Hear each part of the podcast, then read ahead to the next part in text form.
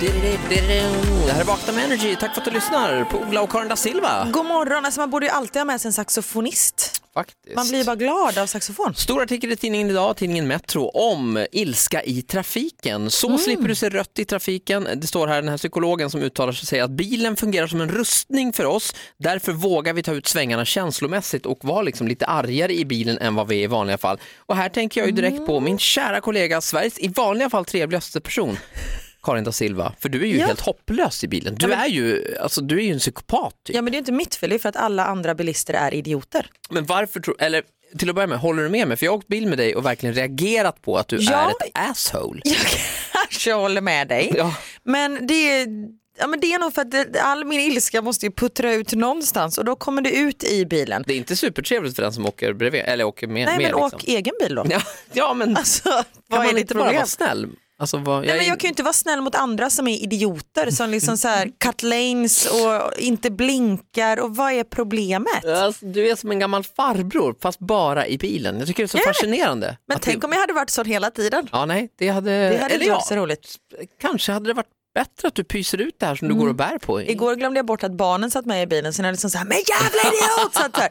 Theo satt i fyra år och satt i baksätet och bara, mamma nu sa du en, två, tre, fyra, Ja. fem fula ord. Jag Det bara, kostar "Okej fem då." kronor här. Ja, Får lägga en sån här svärburk i Men bilen värt. också.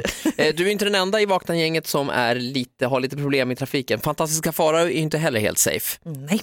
Farao jobbar också efter epitetet har man fått en bot kan man inte få en till. Nej, man kan inte få det till på samma plats tänker jag. exakt. Eh, Då är det väldigt tajt och då tänker jag så här att jag ska köra upp på trottoaren. Var var vi nu? Nu är vi, vi ska fickparkera, vi kör in, det är väldigt tajt mellan bilarna. Jag kör upp på trottoaren. Ja men det är så gör jag Det också ska bli en ibland. sån här bunk, liksom att bilen precis hoppar ner från trottoaren och då står jag gjuten mellan de här två bilarna. Perfekt, liksom. Du vet. Ja. Spar om. Kör upp.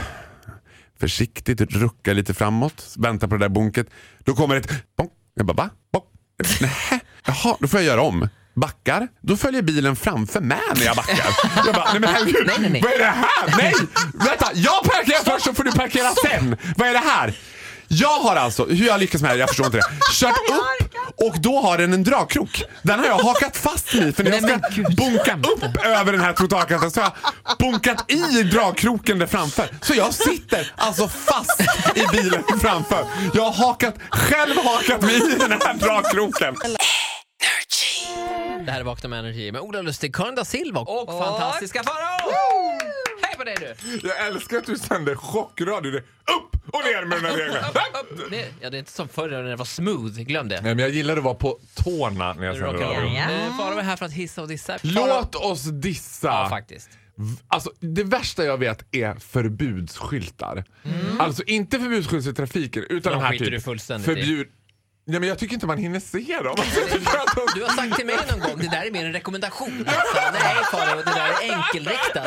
Eh, faktiskt. Ja men jag upplever, alltså jag har lärt mig i Borlänge att när skyltarna är runda oavsett färg, då är det mer en uppmaning att här skulle vi rekommendera att inte köra skyltar. Alltså, Men om de är trekantiga, då får man inte köra Men där. du pratar om såna här skyltar nu typ på jobbet. Nej, men Så- så här, förbud och röka eller så här. Och då har jag en- noterat en skylt så här som eh, jag gymmar ju väldigt mycket som du vet. Ja. Jag har ju ballat ur på gymmet. Och gym är ju ett, en högborg för de här självuppsatta papp, liksom, förbudsskyltarna. De bara skrivit så här. Och då inne i herrarnas bastu så sitter det alltid en skylt där det står förbud att kissa på aggregatet. och då tänker jag så här.